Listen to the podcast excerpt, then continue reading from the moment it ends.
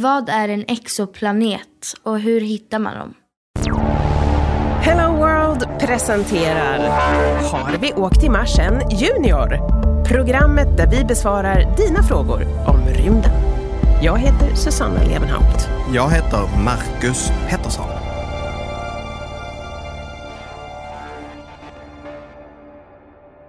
Det vi ser när vi lägger oss på rygg och tittar upp mot stjärnhimlen är en massa små, små ljusa prickar.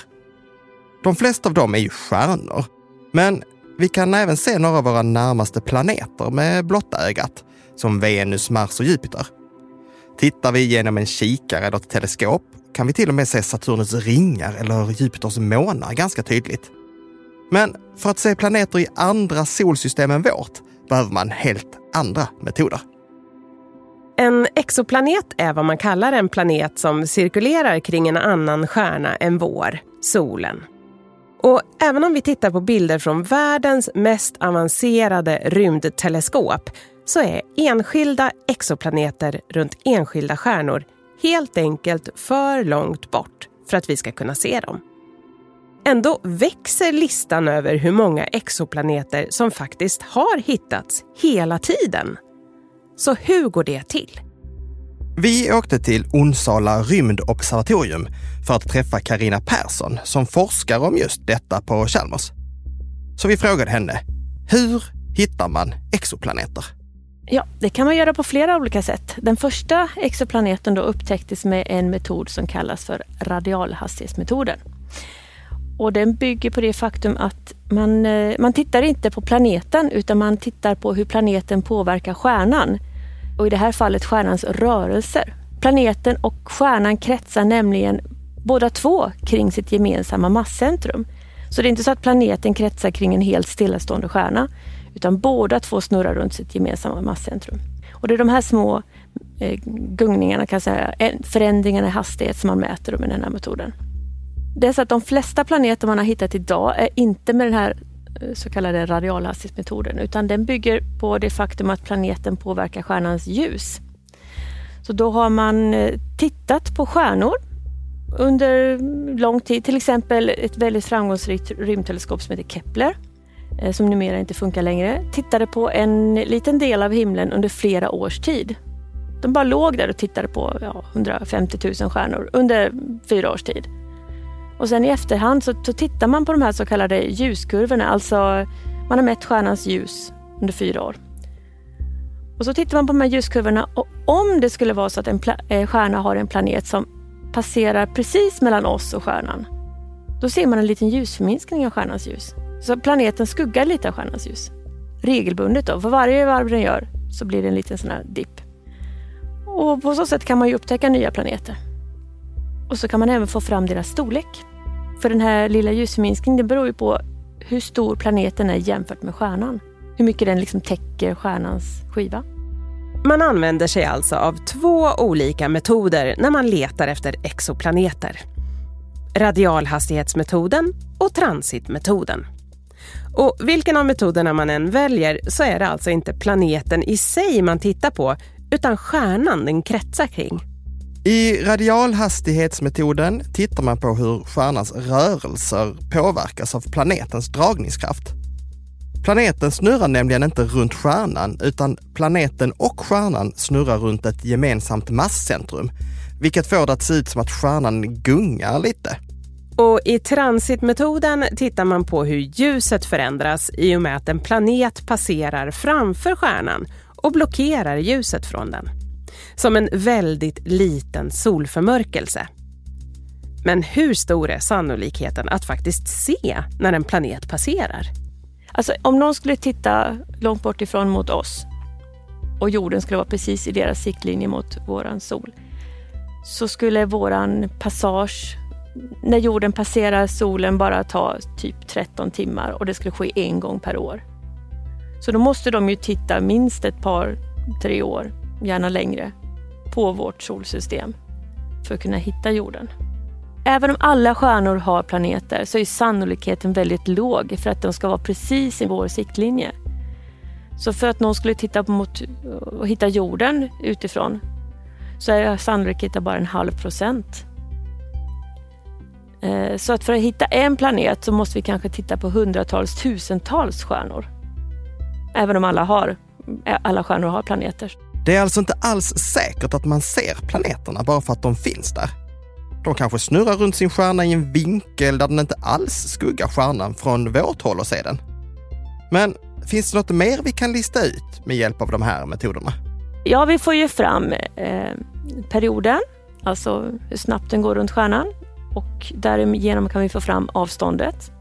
Har vi både, och det här är viktigt, har vi både passage och radialhastighetsmätningen så har vi ju både storlek och massa.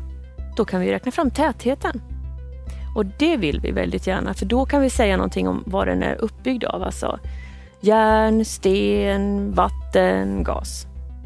För att om man har upptäckt en liten planet till exempel, vi vill, vi vill ju helst upptäcka jorden två eller jordliknande planeter, beboeliga planeter.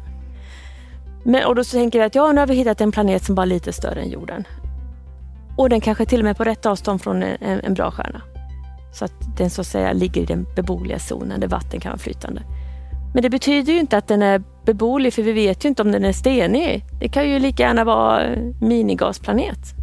Vi kan alltså ta reda på hur långt ett år är på exoplaneten i och med att vi vet hur ofta den passerar mellan oss och sin stjärna.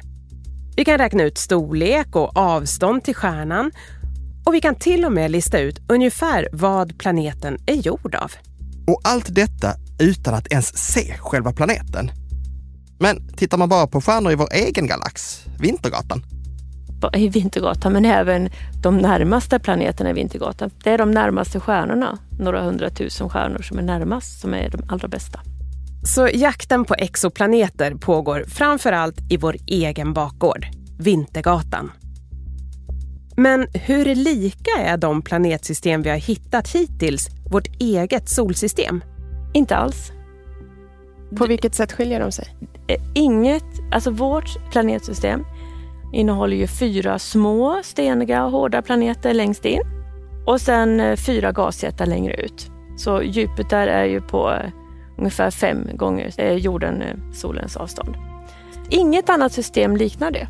Många system har däremot eh, stora Jupiterliknande planeter extremt nära sina stjärnor. Så den första som upptäcktes, ju, eh, PEG, 51 PEG B, var ju en Jupiter stor ungefär planet som hade en, eh, ett år var bara fyra dygn. Ja, man har hittat andra system som innehåller många små planeter. Till exempel Trappist 1 vart ju känd. Sju små planeter som bara har, allihopa har omloppstider på några dagar. De kretsar kring en stjärna som är så liten så att den inte är mycket större än Jupiter. Så inget system hittills i alla fall som jag hittat liknar vårt. Men det behöver inte betyda än i alla fall att inget annat ser ut som vårt. Det kan ju bara vara så att, vilket är, det är väldigt svårt att hitta det med, med dagens instrument. Så vi hoppas på nya framtida rymdteleskop. Vad man har hittat? Man har hittat eh, flera hundratal eh, system med fler planeter än en. Eh, många har kanske två mini-Neptunusplaneter eller eh, lite större planeter. Då, då En del har en eller flera superjordar till exempel. Superjordar? Vad är det för något? Superjord är någonting som inte finns i vårt planetsystem. Utan det är en planet som är lite större och lite mer massiv än jorden helt enkelt. Upp till ungefär tio gånger mer massiv än jorden och upp till ungefär två gånger större radie. Så de verkar vara väldigt vanliga. Det verkar som att varje solliknande stjärna faktiskt har en, åtminstone en superjord. Utom vi. Alltså de flesta, men inte vi. Så frågan är liksom, är vi udda eller är det vanligt med vår typ av system? Men vi vet inte Vi har för lite observationer. Vi behöver, vi behöver fler observationer med bättre, som är mer noggranna än vad vi har idag också. Då kan vi hitta fler planeter. Det är bara att fortsätta utforska helt enkelt. Men av det som vi har hittat hittills, vilken typ av planet är vanligast? Jag kan inte riktigt svara på det för av de 4000 planeter som är upptäckta idag så har de flesta bara mätningar av storleken. För att de flesta kommer från rymdteleskopet Kepler. De stjärnorna var så ljussvaga så man kan inte göra de här uppföljande mätningarna så man får massan också. Så vi vet bara storleken. Så eh, även om de är små, det finns massor av dem som är små. Eh, men jag kan inte säga om de är eh, steniga eller inte, eller om de är gasplanet, för vi måste ju ha massan också. Oavsett vad den är gjord av så måste det vara en otrolig känsla att hitta en exoplanet. Men finns det några upptäckter som har överraskat lite extra? Ja, men jag skulle säga att det mest oväntade man har hittat det är väl att man har hittat så många olika sorters planeter som inte finns i vårt system. Det var ju en stor överraskning. När, när den första planeten hittades var det många som inte trodde på det. Därför att sådana stora planeter, de kan inte finnas så nära sin stjärna. Det visste ju alla, typ. Men ändå så fanns den där. Och det var en stor överraskning. Så då Eh, fick man plötsligt börja ändra i, i modellerna hur planeter bildas. Innan man upptäckte den första exoplaneten så var ju bara vårt system det enda systemet. Då trodde man ju typ att allt såg ut ungefär som det. Och det var ju ändå logiskt att små eh, steniga fasta planeter bildas längst in där det liksom är varmast och sen där det finns mer gas och där det är kallare, där bildas utanför den så kallade snölinjen där det kan finnas is istället för vatten i ånga. Där bildas stora gasplaneter och det är ju logiskt. Och så plötsligt hittar man nya, hittar man exoplaneter som ser helt annorlunda ut på fel ställen och ser annorlunda ut än i vårt system. Häftigt. Ja, det är häftigt.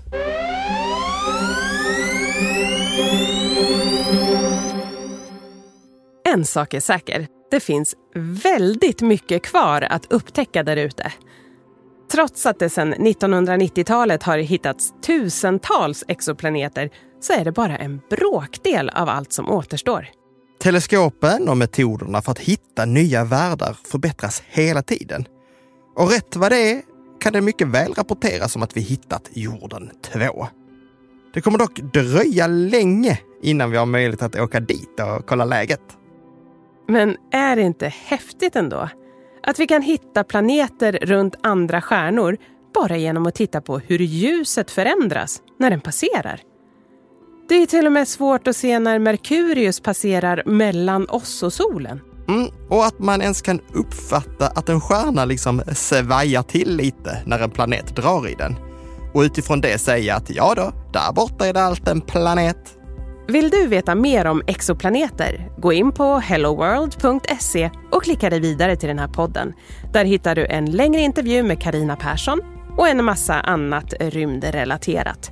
Jag heter Susanna Levenhaupt. Jag heter Marcus Pettersson. Har vi åkt till Marsen Junior produceras för Hello World i samarbete med Teknikföretagen.